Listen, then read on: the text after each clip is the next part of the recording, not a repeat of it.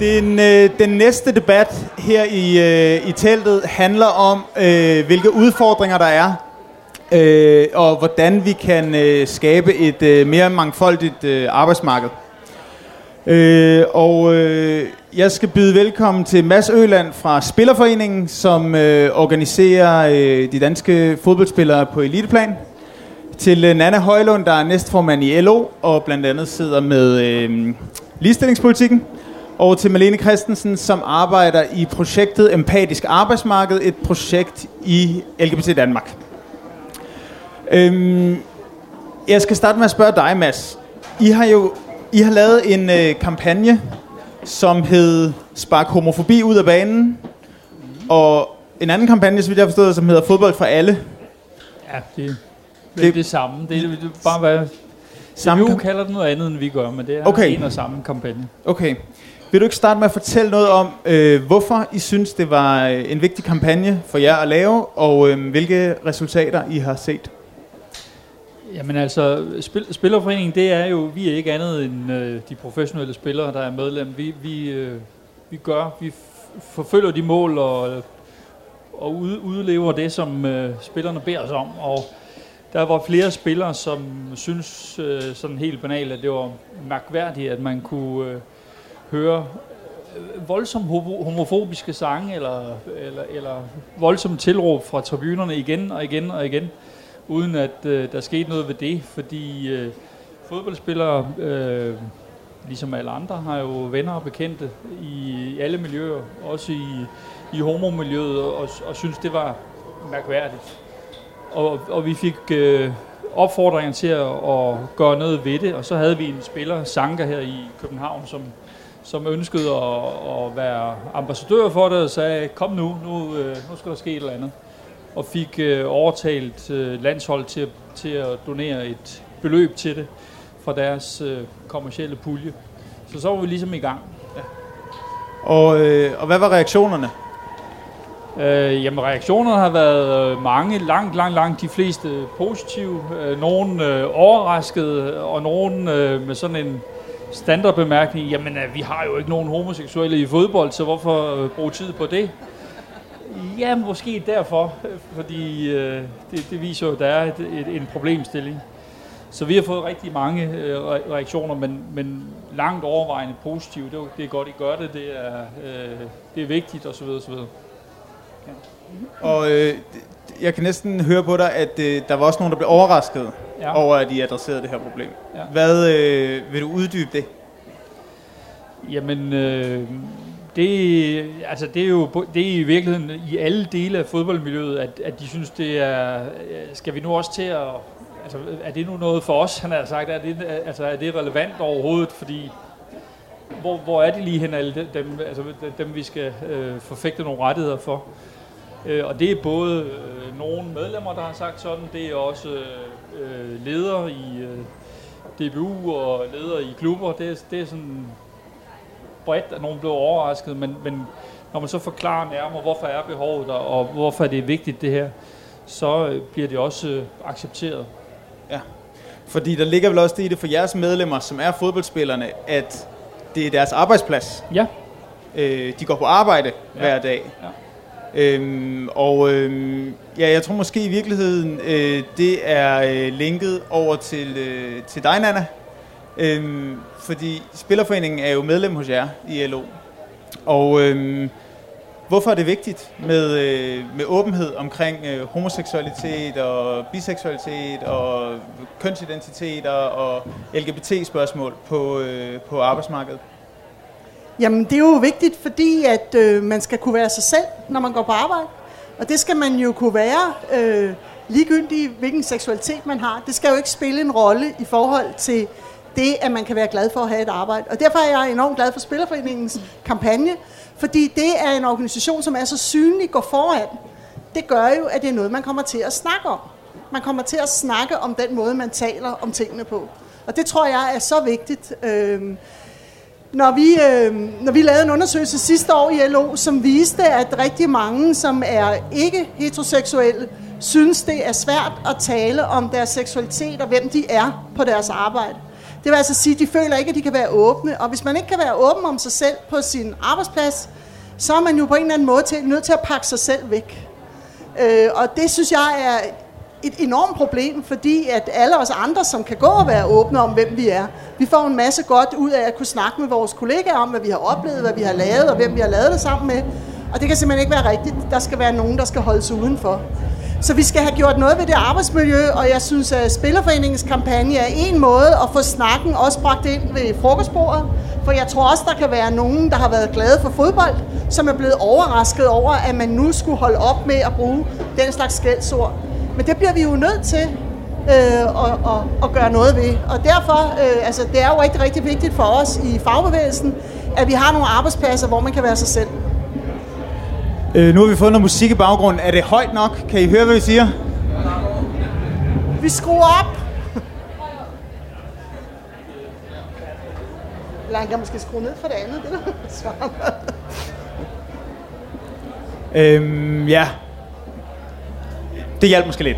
Ellers så skruer vi mere op, men i hvert fald forløbig øh, Malene. Øhm, du beskæftiger dig med det her til daglig i, øh, i projektet Empatisk Arbejdsmarked. Øh, hvor stort er det her problem? Ja, hvor stort er problemet med, at, øh, at ja, man skal det, det skjule... bedre?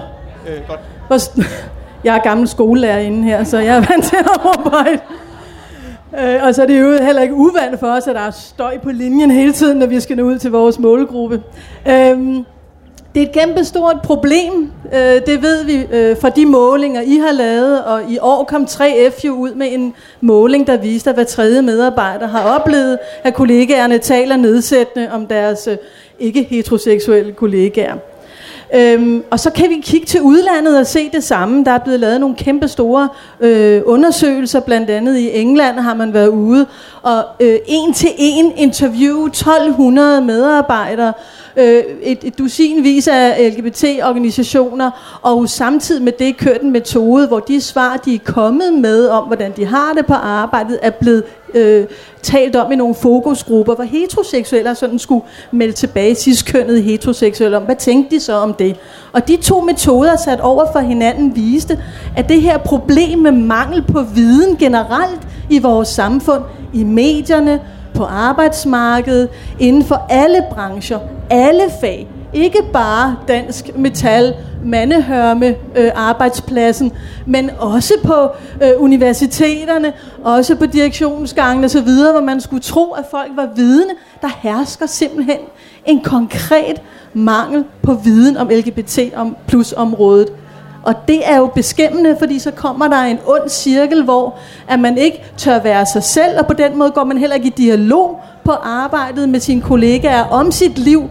Og så er der pludselig ikke nogen, der ved noget som helst. Så har vi delt samfundet op i to grupper, og det er det, vi gerne vil til livs nu. Og vi synes sådan set ikke, der mangler flere målinger. Vi synes, der mangler noget action nu. Ja, Nana? Nå, men jeg vil bare sige, at jeg er sådan set nok enig i, at vi ikke mangler flere målinger nu. Men jeg synes, det var meget overraskende, da vi fik lavet vores måling sidste år, at, vi, at der ikke var nogen, der vidste det her i forvejen. Og det handlede jo også om, at vi faktisk ikke kunne få nogen til at måle det for os. Fordi man sagde, det kan man ikke gå ud og spørge om. Man kan ikke spørge folk, øh, om deres partner er af samme køn, for eksempel som dem selv. Øh, og det er jo en forskel over til England, som jeg synes er enormt interessant, og som siger noget om, at vi også i Danmark har sådan en berøringsangst, sådan for overhovedet at tale om det her. Det er i England, der taler man, vi var på sådan en lille studietur derovre, der sagde de, jamen øh, på sådan en virksomhed, vi snakkede med, de sagde, man er jo nødt til at spørge folk, for ellers kan man jo ikke videre med man diskriminerer dem. Og jeg tænkte sådan, spørg I, ikke? Det ville vi jo aldrig gøre i Danmark, fordi så ville vi føle, at vi spurgte om noget af alt det, vi godt ved, man ikke må spørge om. Seksualitet, religion og etnicitet osv. Ikke? Og der er et eller andet der, som vi også bliver nødt til at finde ud af, hvad vi gør ved, fordi at det er jo rigtigt, at hvis man ikke kan stille spørgsmålet, så er det også svært at vide, om der er nogen, der bliver trådt på. Ikke? Vil, jeg har en kort kommentar ja. til det. Ja. Altså det vi er blevet meget opmærksomme på, når vi har arbejdet med det her og testet det igennem hele foråret på forskellige arbejdspladser, fra socialrådgivere til sælgere, altså alle mulige typer arbejdspladser, der har vi fundet ud af, at de fleste mennesker tror, at det handler om den enkelte medarbejders ansvar. Den enkelte medarbejder skal spørges, hvordan har du det, når du har det dårligt, nu må vi hjælpe dig. Vi kunne godt tænke os at rette det fokus på arbejdsgiver, og så sige til arbejdsgiver, hvad har du egentlig tænkt dig at gøre for, at dine medarbejdere har det godt, at de trives, for nu har vi jo nogle målinger. Så i stedet for at spørge medarbejderne, som jo også er en god idé at åbne op for det, så prøv at spørge arbejdsgiverne. Og der kan vi jo kigge til udlandet og se, at der skal man faktisk kunne redegøre for, for eksempel i Norge, hvis man har en arbejdsplads med over 50 medarbejdere, så skal man aktivt vise, at man arbejder imod diskrimination og for ligestilling. Og de krav sætter vi ikke på den samme måde til vores arbejdsgiver i Danmark. Så nogle ting kunne vi godt gå ind og kæmpe lidt med sammen måske. Øh, Mads, hvad har I fået af reaktioner fra, øh, fra klubberne, som jeg går ud fra af arbejdsgiverne på dit område? Jamen, øh, i, positive øh, tilkendegivelser om, at, og, de, og de bakker også op om kampagnen. Vi har lavet en, øh, en markering øh, i forbindelse med en Superliga-runde, hvor vi er rundt på alle stadioner og, vise regnbuer, anføre bind og, og sådan anden, øh, som øh, for at vise, at, at, at her, er det, her er det ok at være, som man nu er. Men øh, der er også en erkendelse af, at vi har øh, et udgangspunkt, der ligger øh, sådan tilbage i stenalderen. Altså det er ikke, det er ikke trygt øh, i dag, uanset at vi øh, på organisationsplan, og vi har nogle ambassadører, der siger, at det er helt ok, og det er i orden, så er det altså ikke en tryg arbejdsplads, hvis man vil springe ud. Øh, det, det må vi bare ærligt erkende. Det, der er vi ikke. Øh, og, og det er jo også baggrunden for, at, at der er ikke nogen, øh, i hvert fald mig bekendt blandt mine medlemmer, der har stillet sig op og sige, mandlige øh, medlemmer, der har stillet sig op og sige, jeg er homoseksuel, eller jeg er øh, transseksuel, eller lignende. Altså, der, der er ikke nogen, der tør det endnu. Øh, og den erkendelse er der også med øh, vores øh, arbejdsgiver, øh, og, og deres indstilling, det er de er åbne for at arbejde på at ændre det. Og det er jo, det er jo rigtig super. Der er ikke en øh, fornægtelse længere af, at det skulle være noget, vi skulle tage os af, eller det, øh, det er ikke vigtigt, eller det er ikke relevant. Så det er, det er rigtig positivt. Og det, øh, vi skal ikke ret mange år tilbage, før det så anderledes ud, skal jeg lige sige. Øh, Nana, hvad, hvad tænker du, når du hører det? Altså, at der er en, der er en branche, hvor det, hvor, det ikke er, hvor det ikke er trygt at springe ud som LGBT-person? Jamen det, øh, det, jeg er jo rigtig glad for, at Spillerforeningen så har begyndt at gøre noget ved det, fordi det er jo ikke sådan, det skal være. Og det er masser, og jeg er jo fuldstændig enige om. Øh, der er jo ikke ret mange mennesker, der ikke synes, at det skal være trygt at gå på arbejde. Så, men, men problemet har jo været lidt, som, som jeg også synes, Mads redegør rigtig godt for, at der har jo været nogle kulturer, som har spændt ben for, at vi har kunne tale om det her. Øhm, og der tror jeg bare, at vi skal være glade for, at vi er nået dertil, at vi faktisk kan tale om det. At vi står som her som fagbevægelse i dag, at vi alle sammen har regnbueflag på bygningerne og sådan noget. Og at det også betyder, at der er nogle ting, vi skal leve op til. Fordi det skal jo ikke være en gratis omgang, at man bare vil være med til festen. Jeg kan godt læse, hvad der står på t-shirten med de der mange kampdage og så en enkelt festdag. Ikke? Og jeg vil bare sige, at jeg synes da også, at vi skal være med på kampdagene. Men man skal bare også forstå, at øh, fagbevægelsen også har rigtig mange andre kampe. Men det her, det skal da helt sikkert også være en af dem, for det skal jo ikke være sådan. Vi skal jo ikke acceptere, at arbejdsgiveren ikke tager ansvar. Jeg er helt enig med Marlene, når hun siger, at det er arbejdsgiveren, der, skal have, der har et ansvar for, at der er en personalpolitik og en kultur på arbejdspladsen, så man kan være der ligegyldigt, hvem man er. Det er jo også en masse arbejdsgivers ansvar. Men det betyder ikke, at fagbevægelsen bare skal sidde og vente på, at arbejdsgiverne så gør det. Vi skal sådan sparke først lidt blødt, og så skubbe lidt, og så trykke lidt mere, og så øh, markere hele tiden, at vi ikke synes, det er i orden.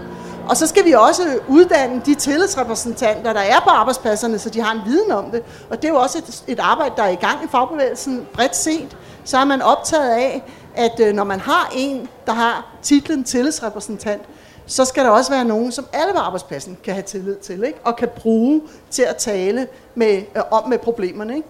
Så, så jeg, jeg tænker, at nogle brancher kommer til at gå først. Øh, jeg stammer selv for det store offentlige arbejdsområde, øh, dagtilbud og hele omsorgssektoren, hvor man jo i mange år har haft sådan en indforståethed af, at det var nok til stede.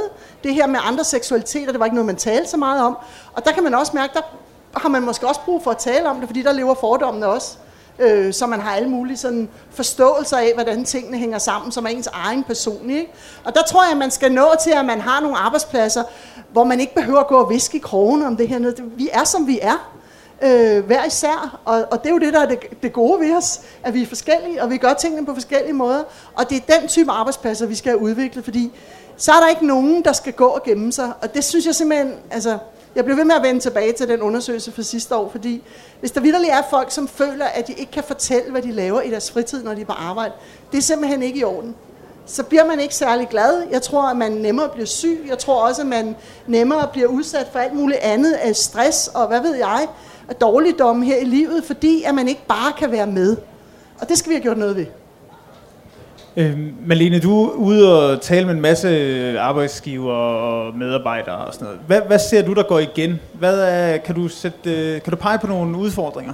Ja, altså nu siger Nana, at vi skal jo tale om det, og noget af det første, det er det her med at have et sprog til det. Det kunne vi også se i den her gang, hvor, hvor vi ligesom startede hele integrationsdebatten for, for nogle år siden. Der havde man også en masse forkerte ord, man brugte. Og nu må vi indføre et sprog, vi kan tale om, sådan så vi også kan kende forskel på, hvad der har med det seksuelle, øh, den seksuelle orientering at gøre, hvad der har med kønsidentitet at gøre, så man for eksempel ikke kommer til at sige transseksuel, eller hvad det nu kan være, at man har et sprog. Det betyder selvfølgelig ikke, at der skal stå et sprogpoliti og slå en oven i hovedet.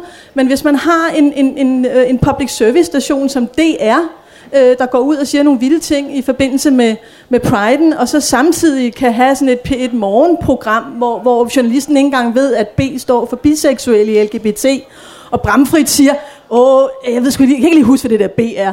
Tænk hvis nu, at man i nyhederne sagde, at vi er i krig mod, hvad var det nu for et land, vi var i krig mod?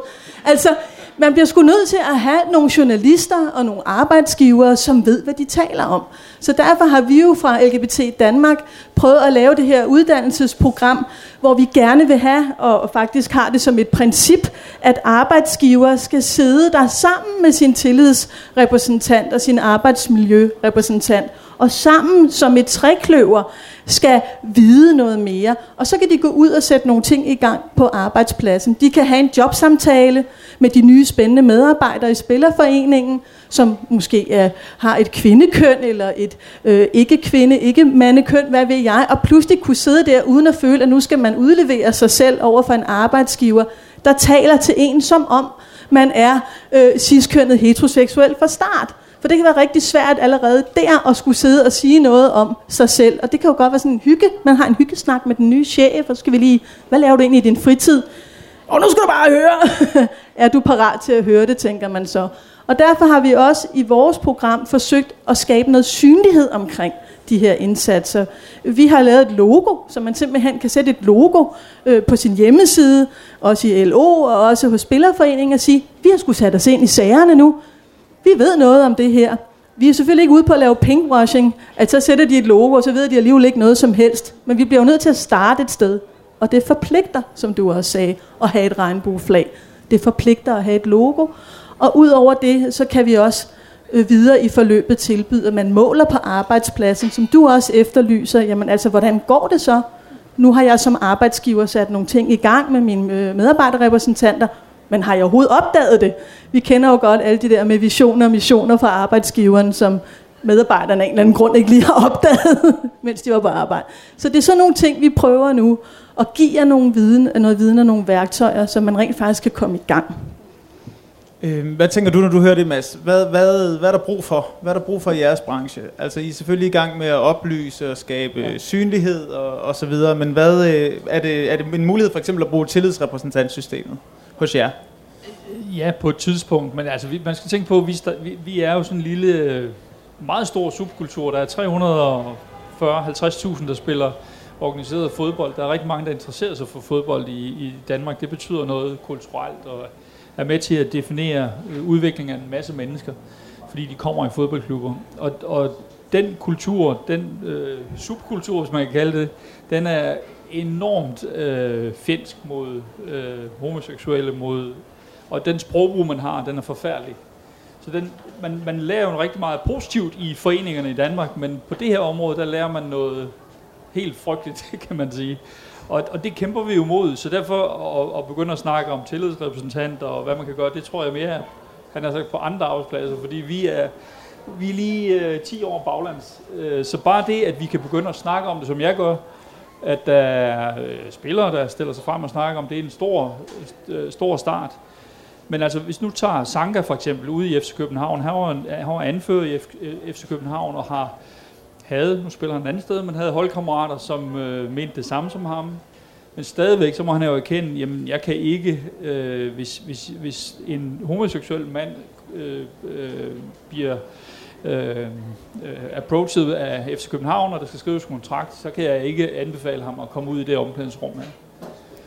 Så det, altså det er bare for at sige, at vi, vi er jo så langt væk fra noget, øh, men nu tager vi fat på det og, og, og, og prøver at gøre det muligt at være homoseksuel i vores miljø. Lige nu er det det ikke.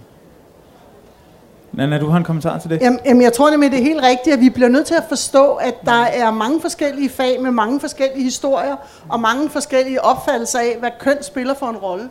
Og derfor så, øh, når du siger det med sprog, Malene, jeg er sådan set fuldstændig enig med dig, at vi skal lære at bruge begreberne rigtigt. Vi kommer bare ikke til at starte der alle steder, fordi så kommer vi ikke nogen vegne. Vi kommer til at starte der, hvor vi for eksempel snakker, snakker om, hvordan kan man overhovedet tale om ikke heteroseksuelle på den her arbejdsplads. Hvad for noget sprogbrug er i orden? Kan man tillade sig at sige bøsserøv i, i frokoststuen? Nej, det kan man ikke. Så det bliver, nogle steder bliver det den snak. Andre steder, der bliver det en snak om, at øh, der findes øh, mere end, der findes måske mere end to køn. Det er der jo nogen, der mener, og nogen bliver meget forvirret, hvis man siger den slags. Så vi bliver simpelthen også nødt til at dosere de her diskussioner, sådan, så de bliver meningsfulde for dem, der skal tale om det. Fordi ellers så risikerer vi jo, at det bliver nogen, der har læst rigtig længe på universitetet, eller læst mange bøger, som kan tage en diskussion helt herop, og så mange af de medlemmer, jeg repræsenterer, de vil tænke, Nå, ja, godt med dem. De skal nok bare i deadline, fordi det er der, man taler på den måde. Ikke? Vi er sgu altså også nødt til at have en samtale, hvor vi kan få folk med. Og derfor så er jeg, jeg er helt enig i, at journalister og alle sådan nogen, de skal lære de her begreber. Vi kommer bare ikke til at lære dem ud i skurvognen lige med det samme. Men vi kan godt sige, at der er noget, der ikke er i orden. Og vi kan godt snakke om, at, øh, at der skal også være plads til nogen, som, øh, som gør tingene på en anderledes måde, og som har et anderledes liv, og som har valgt en anden partner eller noget andet for dem selv, i forhold til det kønsudtryk, de nu vil have.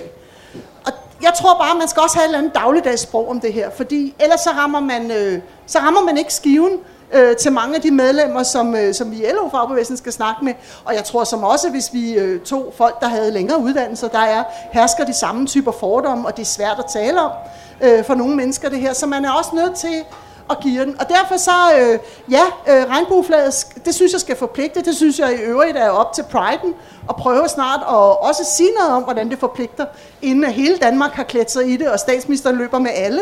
Altså, der måtte godt være et eller andet, øh, hvis man vil være med i det her meget sådan positive brand, synes jeg. Øh, men det er jo ikke noget, jeg skal bestemme, men hvis det var mit brand, så ville jeg synes det.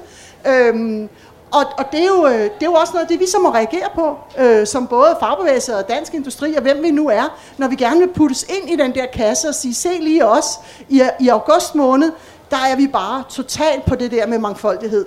Og så resten af året. Ikke? Så det er det der med, hvad vi skal gøre resten af året. Jeg tænker, at man måske kunne på et tidspunkt arbejde lidt med. Også fra dem, der skal stille kravene side. Malene, du markerede, da den anden talte om, om det her med at skabe et sprog, så vi får så mange som muligt med. Ja. Ja, altså nu er jeg jo så heldig, at jeg ikke har en universitetsuddannelse, så jeg øh, hører til på gulvet som, øh, som dine medlemmer, øh, mere eller mindre. Øh, nu ligger vi jo vandret i LGBT Dan- Danmark i de her dage, fordi at vi jo hverken på finansloven eller noget som helst, vi får lidt støtte fra Københavns Kommune, øh, modsat vores øh, øh, venner i Sverige og i Norge for eksempel. Så vi må kæmpe rigtig hårdt hver dag. Vi er øh, rigtig glade for i LGBT Danmark, at vi har LGBT Ungdom, som er en masse veluddannede universitetsmennesker øh, og, og også folk, som ikke er fra universiteterne, og som jo har et utroligt øh, øh, godt sprog omkring de her ting. Men vi er meget bevidste om, at når vi skal ud på de almindelige arbejdspladser, så skal vi bruge nogle andre værktøjer. Og derfor har vi brugt de egenskaber, vi så kommer med, øh, også i empatisk arbejdsmarked, at vi formulerer os via audiovisuel øh, materiale. Vi viser simpelthen film, Øh, øh, vi har fået produceret indtil videre øh, tre kortfilm, som hver især øh, i øvrigt kører op på storskærmen i dag, så I kan gå op og se dem. De er tekstet på engelsk, øh, kommer ud senere på dansk. Men der viser vi nogle situationer, øh, hvor LGBT-medarbejdere øh, og ledere bliver udsat for det her, vi prøver at sætte fokus på. Og så kan man pludselig, som en person, der er øh, ikke, eller som er heteroseksuel, ciskønnet heteroseksuel, pludselig se Gud, hold op jeg har også stået og stillet de der krænkende spørgsmål, fordi jeg simpelthen ikke lige havde fået sat mig ind i, øh, hvordan lesbiske øh, måske kunne få børn. Så i stedet for at spørge min kollega til firmafesten, når jeg er lidt stiv og har taget mod til mig, vil du være, der er noget, jeg har tænkt længe på, så kunne jeg måske læse op på det selv. Og det er jo en fed film at vise, og det er jo også en film, der har sådan lidt sarkastisk, men også lidt glimt i øjet, og det kan skabe en skide god debat derude. Så nogle ting, greb benytter vi os af, for at netop møde folk, hvor de er. Vi har også første dag på arbejde, hvor øh, øh, chefen kommer til at jogge ved siden af, fordi chefen, arbejdsgiveren, skulle ikke rigtig ved selv, hvordan man gør, vil gerne gøre det bedste og træder i nælderne. Så sådan nogle ting prøver vi at bruge, så vi møder folk, hvor folk er. For vi ved sgu godt, at folk har travlt. Mindst lige så travlt, som vi selv har med det her. Hvad, øh, hvad, hvad tænker I om det? Er det, øh, er det nogle greb, I, I kunne se, der kunne virke øh, sådan blandt jeres medlemmer ude på de arbejdspladser, I, øh, I kommer på? Nana og Mads? Altså, øh, jeg, jeg, øh, det område, jeg har med at gøre, det er, øh, det, det må man bare erkende, det er specielt. Så, så jo, det, det, vil, det vil det jo være fordi det er, jo, det er jo rigtigt, vi skal finde sprog, vi skal, vi skal møde øh, folk der, hvor de er, så vi prøver at flytte dem, og vi, vi prøver at ramme dem. Øh, i, øh, altså i fodbold, der har vi det store problem, at, øh, at der er jo, øh, jeg ved ikke om der er nogen, der engang imellem ser fodbold i parken, men altså hver anden slagsang er jo øh, en, der fortæller homoseksuelle, at de er sløje mennesker. Altså, det er jo sådan, det er. Så, så, så det, at du bliver mødt med det øh, så massivt, det gør jo, at, at vores område, det er, altså det er meget specielt, vil jeg sige. Ikke? Altså at skulle flytte på det område, på fodboldspillernes arbejdsplads, for mænd, skal jeg sige, fordi for kvinderne er det noget andet. Øh, der er en kæmpe forskel mellem øh, den kvindelige professionelle branche og den mandlige. Men for, for mandlige øh, professionelle, der, der, der er vi bare Ja, da vi bare øh, tilbage ved øh, square one, han har sagt. Jeg synes godt nok, bag. du undervurderer dine, din arbejdsplads. Kan man virkelig ikke rykke de mennesker? Altså har de ikke gået i skole og læst og debatteret andre ting før? Tror du ikke, at de vil synes, det var ret spændende faktisk at høre om det her? Selvfølgelig gør de det, men øh, prøv du at gå ind og diskutere med, med 3.000 mennesker på en tribune inde i parken. Og, Ej, det havde jeg så ikke lige tænkt mig at starte med, måske. Nej, det gør vi heller ikke. Men, men jo, selvfølgelig skal vi tage fat i det og, og snakke om det. Øh, det har du helt ret i. Selvfølgelig skal vi det. Vi kan ikke, man kan ikke gøre andet. Øh, jeg påpeger bare, at vi er... Det er, ikke, det er ikke et nemt udgangspunkt. Der er et spørgsmål. Det skal vi have.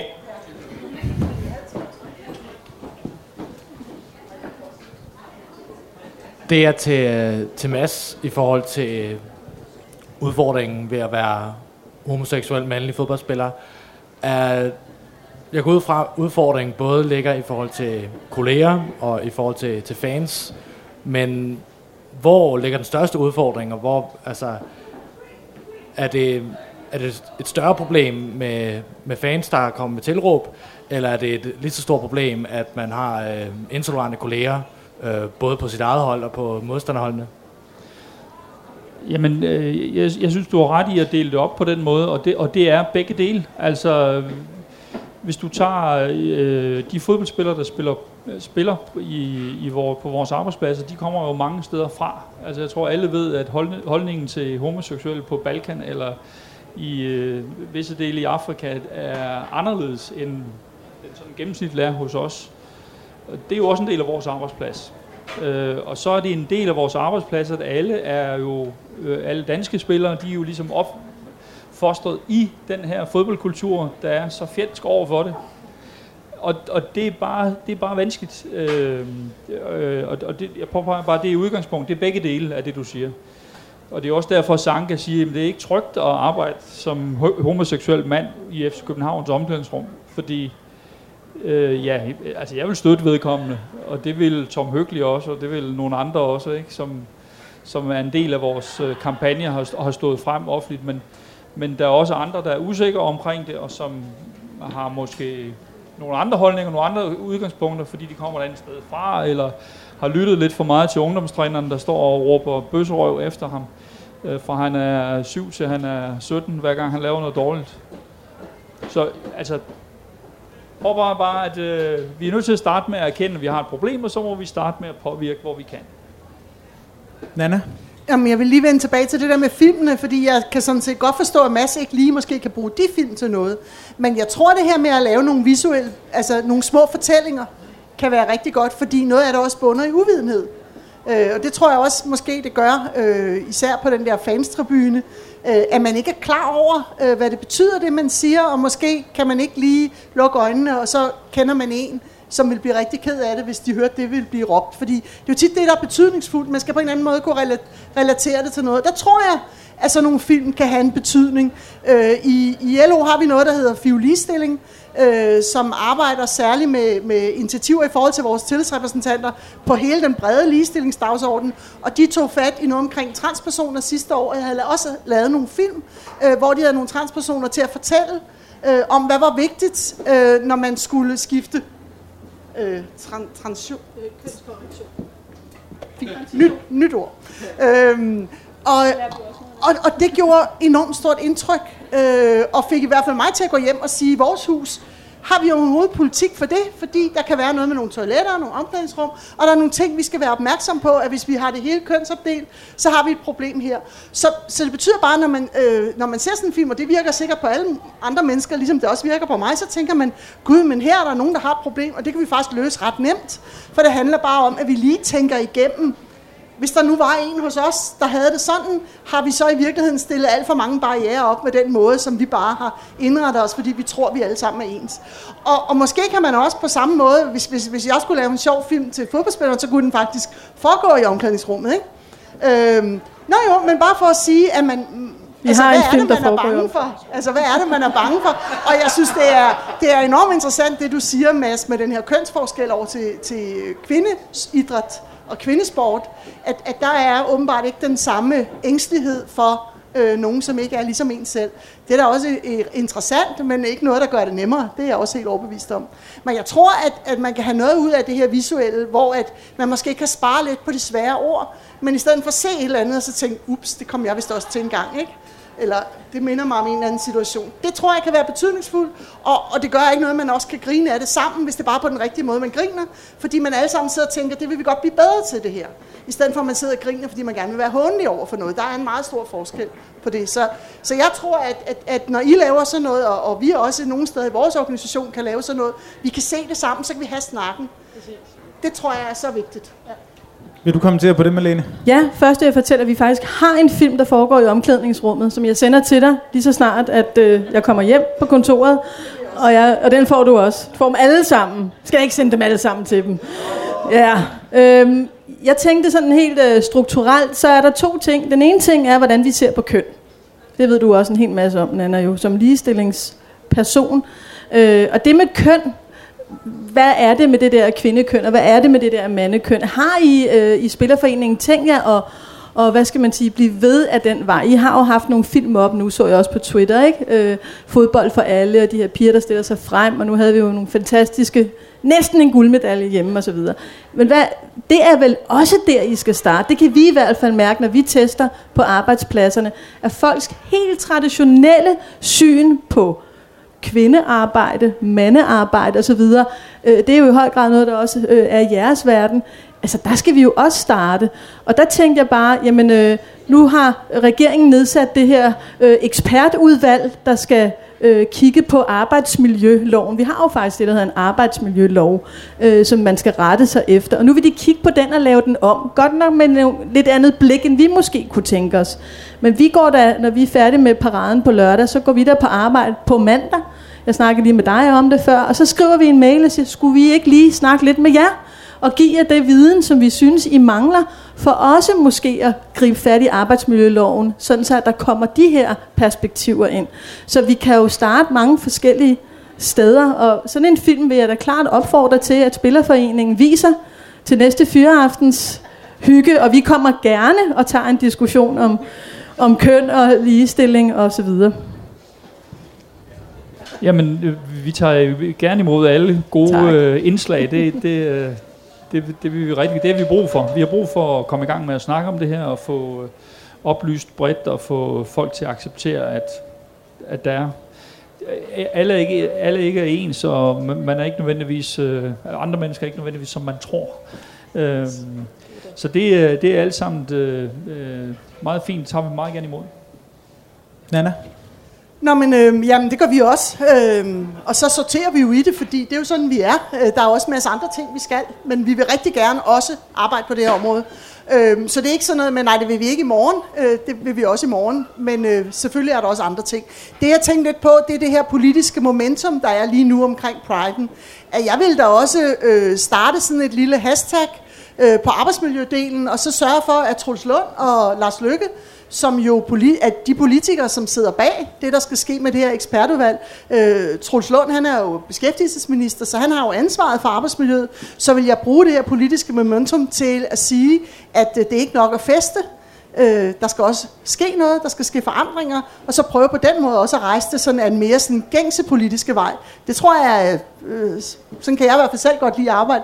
Så nogle gange så kan man fange folk på, at nu var de jo alligevel til festen, så var det også svært ikke at ligesom være en del af det, der foregik. Så der kan man nogle gange få i hvert fald skabt nogle muligheder for at sige, hey Troels Lund, skulle vi ikke lige komme ind og fortælle dig, når din ekspertudvalg skal sidde og arbejde, så synes vi, du skal høre lidt om det her.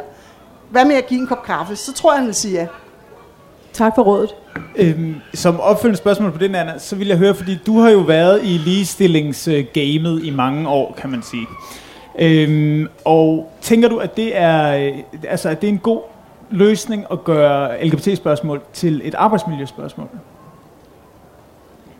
Jeg tror, at noget af det kan man gøre til et arbejdsmiljøspørgsmål. Altså det her med, at man måske kan stille nogle anderledes krav til arbejdsgiverne øh, om, at i den personalpolitik osv. osv. Altså alt, hvad man tænker, der skal være lovgivningsmæssigt, det skal jo også kunne formuleres, så man kan efterleve det efterfølgende. Øh, men jeg tror også, man skal passe på ikke at tage aktivismen og glæden og begejstringen ud af diskussionerne og alene gøre det til noget arbejdsmiljøagtigt, fordi så, er det, øh, så kommer det over et helt andet sted. Så jeg tror både, at man, altså der, der vil jeg virkelig sige, at man skal, man skal have øh, godt fast i begge de her heste, og op og stå på ryggen af dem, et ben på hver, øh, og så prøve at styre det sådan, at man har det her meget sådan stærke politiske sigte, altså hvad kan en minister gøre, hvad kan en fagbevægelse gøre, hvad kan Mads gøre, hvad kan alle mulige, som man er sammen med gøre, for at skabe nogle resultater, som er sådan hugger stikfaste. Men derudover, så synes jeg også, at man skal holde fast i, at det her er ikke statisk. Altså, det synes jeg virkelig er det mest interessante ved ligestilling, det er, at hver gang man har arbejdet med noget inden for et felt, så får man øje på noget, man ikke havde set før. Og det er også derfor, at jeg tror ikke på, at der findes sådan en absolut lykketilstand, at så har vi, kan vi rumme det hele. Jeg tror, at det her det er fuldstændig ligesom demokrati. Det er en lang sej træk, hvor vi hele tiden skal udfordre os selv på, at verden også kan se anderledes ud, end det den lige gjorde i går. Og den del kan man ikke lovgive om. Øh, og den del betyder jo bare, at vi skal have de rigtige steder at diskutere det, og der synes jeg jo bare, at Pride er en fuldstændig fantastisk opfindelse, øh, og med, altså, det har været positivt de andre år, og øh, sådan støttemæssigt, der hvor jeg har været med i mange år, og sådan som gæster, men øh, jeg synes jo, de, det der er sket de sidste par år, det er jo, at det er jo, der er jo ikke dem, der ikke vil være med. Og det synes jeg, man virkelig skal tænke over politisk. Måske ikke så meget, at man skal køre Vesterbrogade eller Nørrebrogade. Det synes jeg måske er sådan en lidt tåbelig diskussion. Men meget mere, hvad er det for, noget, hvad er det for nogle, nogle tendenser i samfundet, som Pride også skal, skal råbe op omkring. Og der er jo rigtig mange af dem til stede allerede. Så lad være at gøre det hele til, til bare noget, øh, der handler om lovparagrafer. Det, det, det skal man gøre med noget af det, men ikke med det hele, vil jeg sige. Er du enig i den observation, Malene?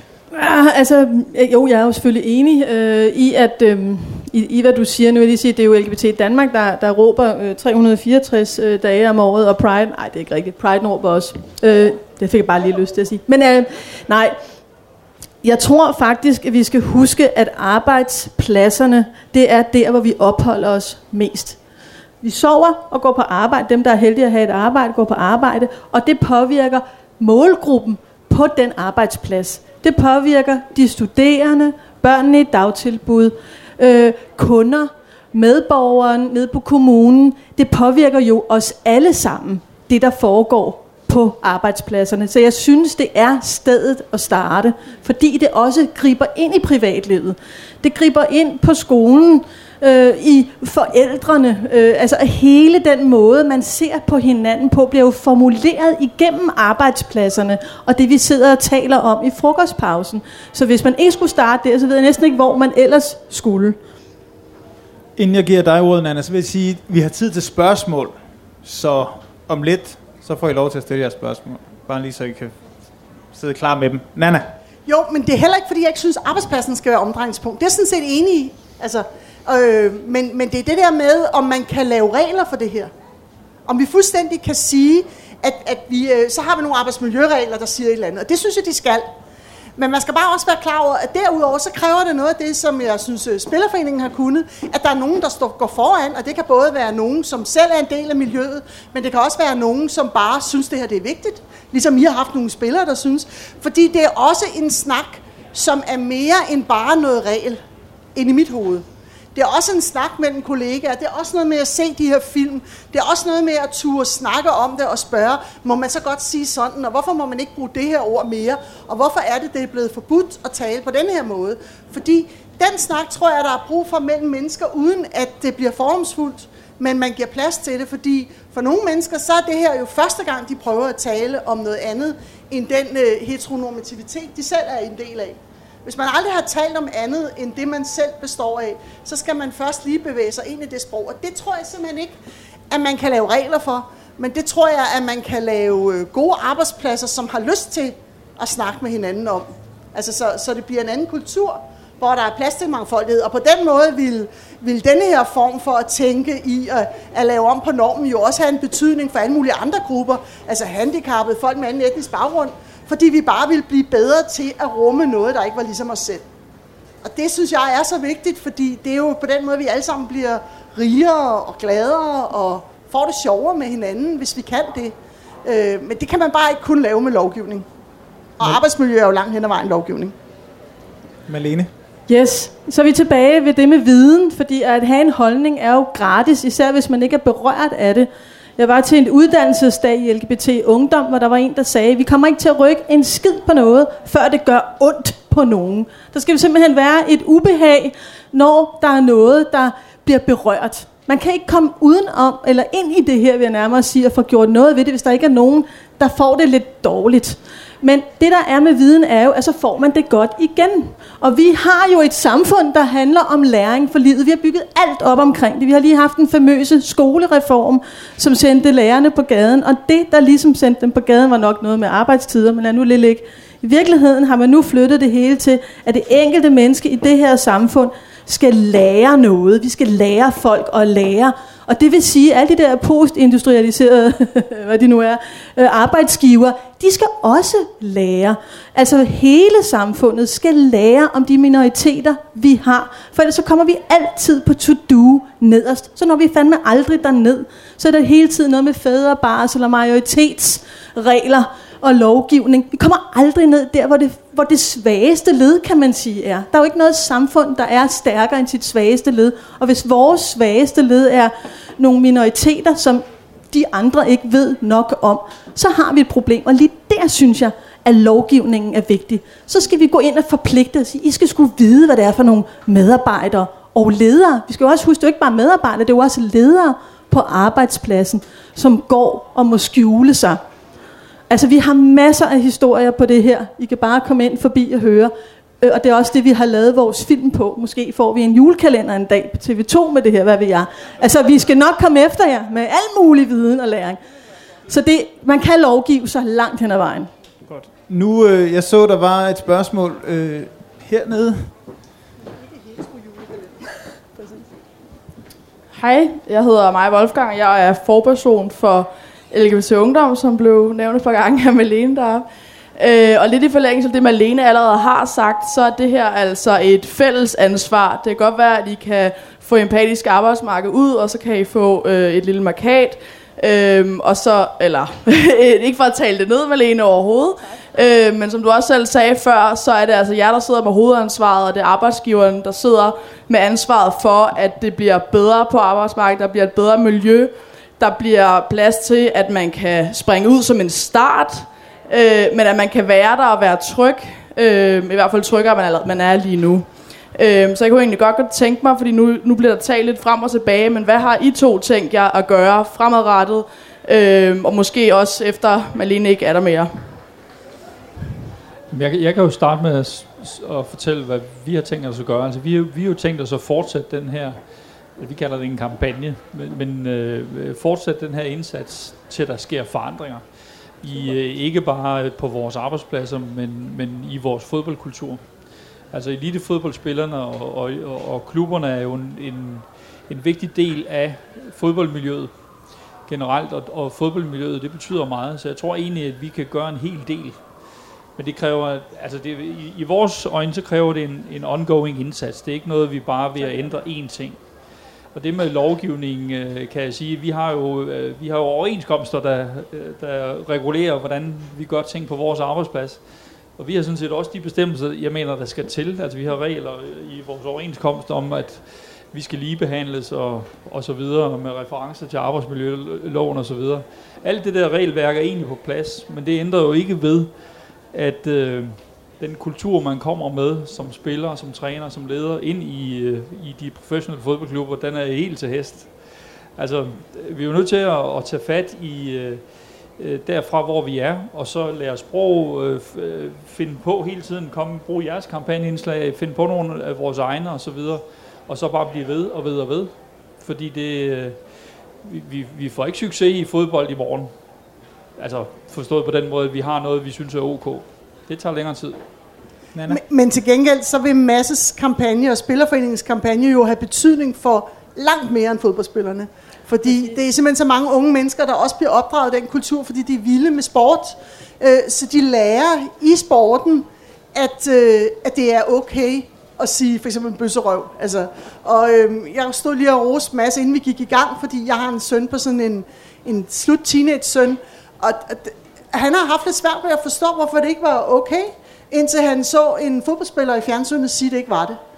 Så gik det op for ham, at det ikke var okay. Altså, hvis jeg sagde det, så var det bare sådan, ja, okay, men du er også sådan lidt gammel, og også sådan lidt feminist og sådan noget. Så det er nok det, det, er nok det der er galt med dig, ikke? Og det har der bare fået mig, nu skal jeg ikke hænge min søde dreng ud, men det, er bare, det har der fået mig til at reflektere over. At det her med, at man laver sådan en kampagne, og man får nogen, mm. som folk synes er the shit, til at mm. stå frem og sige det. Mm. Altså, det tror jeg, vi skal tænke meget mere i. Øh, fordi at, at igen, øh, ellers så, så kan det komme til at lyde som, at det er sådan noget, som, som vi bare siger, fordi det siger vi altid. Men hvad, hvad fagbevægelsen øh, vil gøre, det er, at vi vil selvfølgelig også øh, prøve at holde øje med arbejdsgiverne. Det er jo også en af vores opgaver, og også sammen med jer meget gerne prøve at stille nogle krav til arbejdsgiverne om, at man skal tænke meget mere i nogle personalpolitikker. Øh, og nu stod jeg lige og lyttede til lidt af debatten, øh, der var her lige før, Øh, og det er jo rigtigt det her med, øh, nu er det måske alle jer, der hørte det, men det her med, der er sådan en grænse for, hvornår det her bliver for mainstream, og vi kun tager lidt af det, og vi ikke tager det hele. Men jeg tror bare, at i denne her sammenhæng, der bliver vi nødt til at vælge noget meget strategisk ud, som vi tager. Noget, som vi kan få folk til at forstå er vigtigt. Og meget gerne noget, som vi kan få folk til at forstå, at hvis vi ikke gør det, så er der et problem for nogen. Det tror jeg er den bedste måde at forankre det her. Det er, hvis man kan fortælle om, at det gav et problem. Vi har desværre ikke så mange sager i fagbevægelsen med diskrimination af ikke heteroseksuelle. Men dem, vi har haft, dem bruger vi meget gerne som eksempler. De er meget kendte, de sager, øh, som vi har vundet, hvor nogen er blevet diskrimineret. Og de bliver jo netop brugt til at fortælle, hvad er det, der sker, når man diskriminerer folk Øh, og, og så derfor er sager også vigtigt. Så vi vil også arbejde videre. Øh, LO er jo så sådan en paraply, så vi har en, vi har en masse medlemsorganisationer, masse, så så en af dem, vi har også Dansk Metal og 3F og FOA og hvad ved jeg, en masse medlemsorganisationer, men de skal jo selv lave deres politikker derude. Den bestemmer vi ikke i LO, men vi vil skubbe på, og derfor har vi også sådan et centralt udvalg, hvor vi også diskuterer de her ting en gang imellem. Tak. Øh, der er to spørgsmål her og et derovre. Og nu øh, tager vi tre, og så ser vi, hvad der sker. Ja, jamen øh, jeg tror, at en af de problemer, vi har især med store kampagner, det er, at vi er inden for et felt, hvor det kan virke enormt abstrakt for folk, hvad det egentlig er, det handler om. Og jeg synes egentlig også, at øh, seksualitet for mig selv var også utrolig abstrakt, at man skulle igennem hele den der proces. Og derfor så tror jeg, at kampagnerne, de har det, også øh, film for eksempel, de har det med at prale lidt af, indtil man står over for et andet menneske, der rent faktisk har været igennem det, og som kan give nogle informationer direkte. Og jeg oplever det rigtig tit, hvor folk henvender sig af sindssygt nysgerrige og bare gerne vil vide mere og mere og mere, men de kan ikke få det igennem de øh, steder, hvor man normalt kan få den information med alle mulige andre emner. Øhm, og der vil jeg bare gerne høre, hvad I tænker, at man kan gøre ved det, om man kan oprette nogle små grupper, som kan tage ud til for eksempel sportsklubber fra LGBT-miljøet, eller ja, om I også tænker, at det er abstrakt, eller om det bare er, er mig. Det, ja, det vil jeg gerne respondere på, fordi det har du, øh, det er du helt ret i. Altså, det er jo ikke fordi, at øh, der i øh, DBU har haft handlingsplaner og visioner i, i mange år, der, der egentlig rummer alle, siger alle de rigtige ting. I 10-20 år, det hedder holdning og handling, og det hedder alle mulige ting. Den røde tråd, og hvad de hedder, alle de planer. Og der har man indtil for, jeg kan ikke huske om det er et år eller, eller tre siden, så har man altid haft kampagner mod diskrimination bredt og afvist, at der skulle være nogen brug for at snakke om, der var noget, der hed racisme, og noget, der hed homofobi, og noget, der hed alt muligt andet. Fordi det var der meget, øh, det er meget nemmere og trygt for os at snakke om, at vi er pæne mennesker, der er mod alle former for diskrimination. Vi er og så gør man lige nøjagtigt ingenting. Det tror jeg også, de selv erfaret. Der, derfor har de jo ændret holdning til det. Øhm, og og det, det er jo egentlig det, du påpeger. Ikke? Og, og under den hat, vi har, vi har startet den her kampagne, der kan det godt være, at vi skal lære lidt mere og gå, gå mere i dybden. Og jeg tror, en af de ting, som, øh, som vi pynser på, det er at lave sådan en øh, mentorordning for unge mænd, som øh, elsker fodbold, men også elsker en anden mand. Øh, og, og vise, at øh, sammen med en professionel fodboldspiller øh, øh lave et, et indslag, øh, det, det gør den hollandske spillerforening, kan, kan, kan jeg sige, i samarbejde med en organisation der. Det, det kunne være en måde at gøre nøjagtigt det, du siger. Det, jeg tror, det er helt rigtigt, at man skal eksemplificere. Ja, tak. Hej, jeg hedder øh, Sif. Øhm, jeg kan bare ikke lade være med at overveje... Øhm, nej, jeg starter et andet sted. Jeg synes ikke udelukkende, at det er en, øh, en dårlig idé at uh, lovgive for uh, vidensfremme.